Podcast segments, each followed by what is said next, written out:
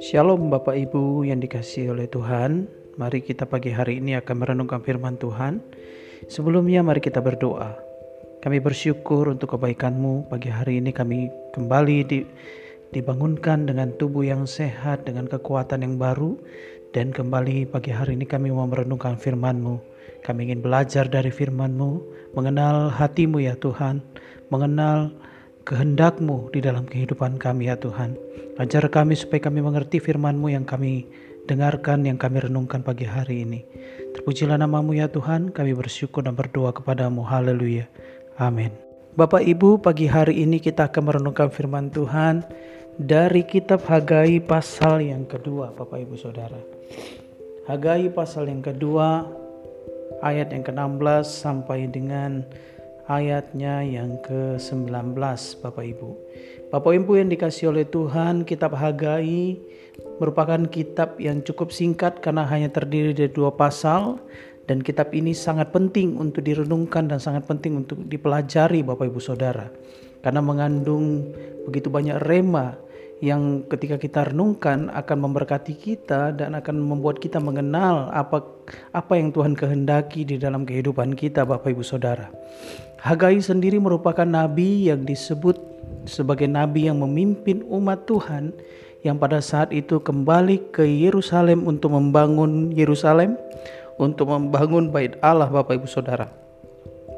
Secara khusus Nabi Hagai ini berbicara kepada orang-orang Israel kepada imam-imam dan juga yang berasal dari keturunan Daud yaitu Zerubabel di mana dia memperingatkan kepada mereka untuk membangun bait Allah Bapak Ibu Saudara.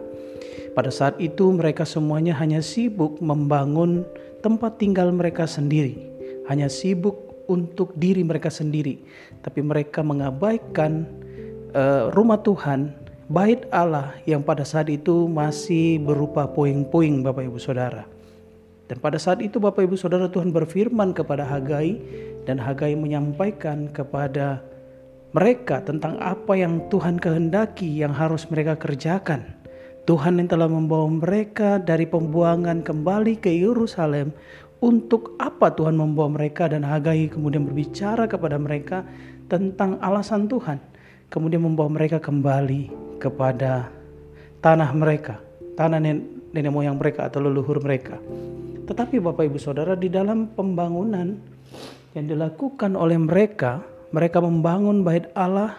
Kalau kita melihat di dalam pasal yang kedua Bapak Ibu Saudara ayatnya yang di dalam pasal yang kedua Bapak Ibu Saudara ayatnya yang kedua kita akan menemukan di sana bahwa orang-orang yang membangun bait Allah menjadi lemah dan lesu oleh karena bait Allah yang mereka bangun tidak semegah bait Allah yang terdahulu Bapak Ibu Saudara. Sehingga mereka merasa gagal. Tetapi kemudian Hagai menyampaikan kepada mereka apa yang ya, apa yang Tuhan katakan kepada Hagai bahwa Tuhan akan membuat mereka melihat bagaimana bait Allah yang mereka bangun itu akan jauh lebih megah daripada bait Allah yang telah dibangun sebelumnya. Kemudian Bapak Ibu Saudara Hagai juga memperingatkan kepada mereka tentang hal-hal atau orang-orang yang melakukan hal-hal yang najis di tengah-tengah mereka yang harus dijauhkan dari mereka supaya berkat Tuhan tetap tercurah bagi mereka. Lalu Bapak Ibu Saudara, di dalam ayat yang ke-16 sampai dengan ayat yang ke-19 Bapak Ibu Saudara kita akan melihat bahwa Hagai memberitahukan kepada mereka semua pentingnya untuk memperhatikan hal-hal yang bersifat rohani. Pada saat itu kalau kita membaca di dalam Hagai pasal yang kedua ayat 16 sampai dengan seterusnya, kita akan melihat bagaimana Tuhan berfirman kepada Hagai dan bagaimana Tuhan menyampaikan tentang keadaan orang-orang Israel yang pada saat itu lebih memperhatikan atau memprioritaskan diri mereka daripada hal-hal yang rohani.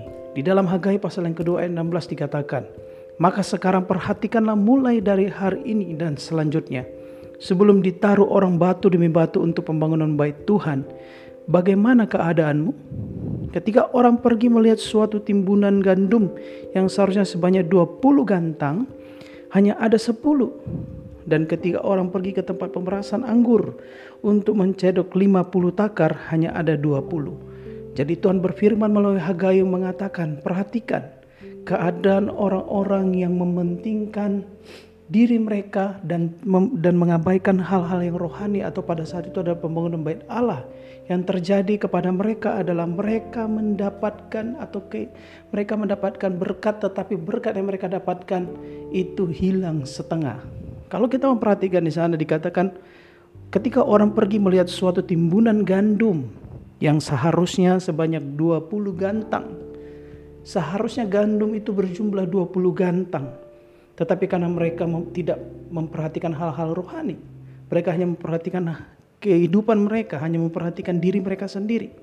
Akhirnya mereka yang harusnya mendapatkan 20 gantang, mereka hanya mendapat 10.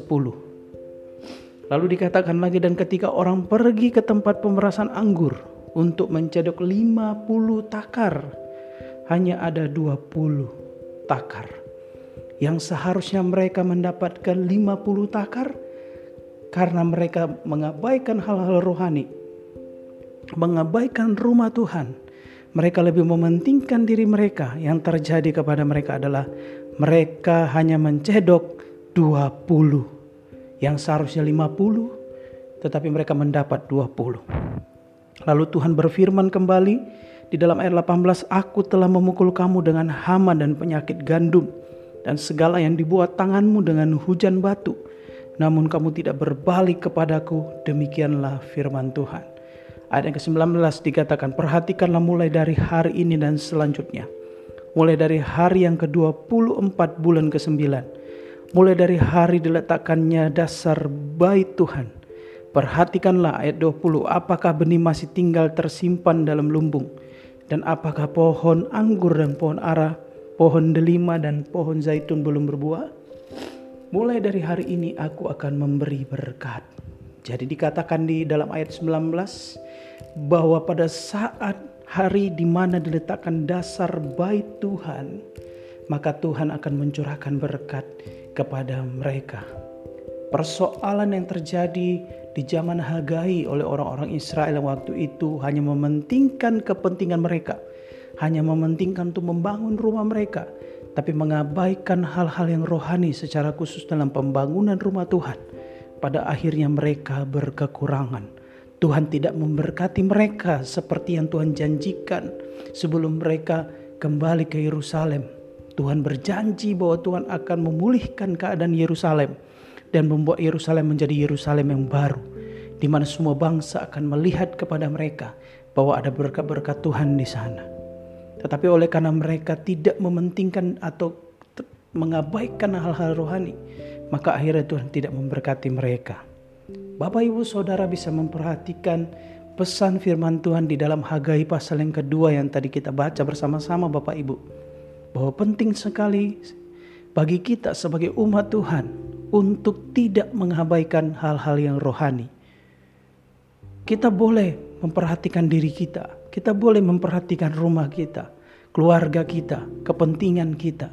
Tetapi semua itu tidak boleh menjadi hal yang pertama di dalam hidup kita. Hal yang pertama di dalam hidup kita sebagai umat Tuhan adalah hal yang bersifat rohani, adalah hal yang menyenangkan hati Tuhan. Jangan pernah mengabaikan hal-hal rohani di dalam kehidupan kita. Mari kita menjadikan dalam diri kita hal yang bersifat rohani adalah dasar di dalam kehidupan kita, dasar bagi keluarga kita, bagi rumah kita, sehingga Tuhan akan memberkati kita. Kita belajar dari orang-orang Israel yang mengabaikan pembangunan rumah Tuhan, mengabaikan hal-hal yang rohani, sehingga mereka tidak diberkati. Bayangkan gandum yang harusnya mereka dapat banyak, mereka cuma dapat sedikit. Anggur yang harusnya mereka dapat banyak, mereka cuma dapat sedikit tetapi ketika mereka memperhatikan hal yang rohani, pembangunan bait Allah, bahkan belum selesai pun pembangunan bait Allah itu hanya baru menaruh dasarnya saja. Oleh karena mereka melakukan firman itu, maka Tuhan memberkati mereka. Kalau Bapak Ibu ingin diberkati, maka jangan abaikan hal-hal rohani Bapak Ibu Saudara. Jangan lebih penting uh, segala sesuatu yang bersifat duniawi daripada kita beribadah daripada kita datang menyembah Tuhan, daripada kita memberikan persembahan untuk pekerjaan Tuhan, daripada kita memberikan persembahan pembangunan untuk pembangunan gereja kita. Ini adalah firman Tuhan renungan yang bukan untuk sekedar mendorong Bapak Ibu untuk memberi, tetapi yang terpenting di balik semuanya itu adalah Bapak Ibu harus memperhatikan hal-hal yang rohani di dalam kehidupanmu supaya hidupmu, keluargamu akan diberkati, pekerjaanmu akan diberkati. Amin Bapak Ibu Saudara. Demikian firman Tuhan yang dapat kita renungkan pagi hari ini. Mari kita berdoa bersama-sama. Terpujilah Tuhan, kami bersyukur kepadamu untuk kebaikanmu. Kami sudah merenungkan firmanmu, kami belajar bahwa sebagai umat Tuhan, kami harus memperhatikan firmanmu, memperhatikan hal-hal yang rohani di dalam hidup kami, mengutamakan hal-hal yang rohani yang menyenangkan hatimu dalam kehidupan kami. Maka kami percaya kami akan diberkati oleh karena kami melakukan firmanmu. Terpujilah namamu, kami bersyukur kepadamu di dalam nama Tuhan Yesus. Haleluya. Amin. thank you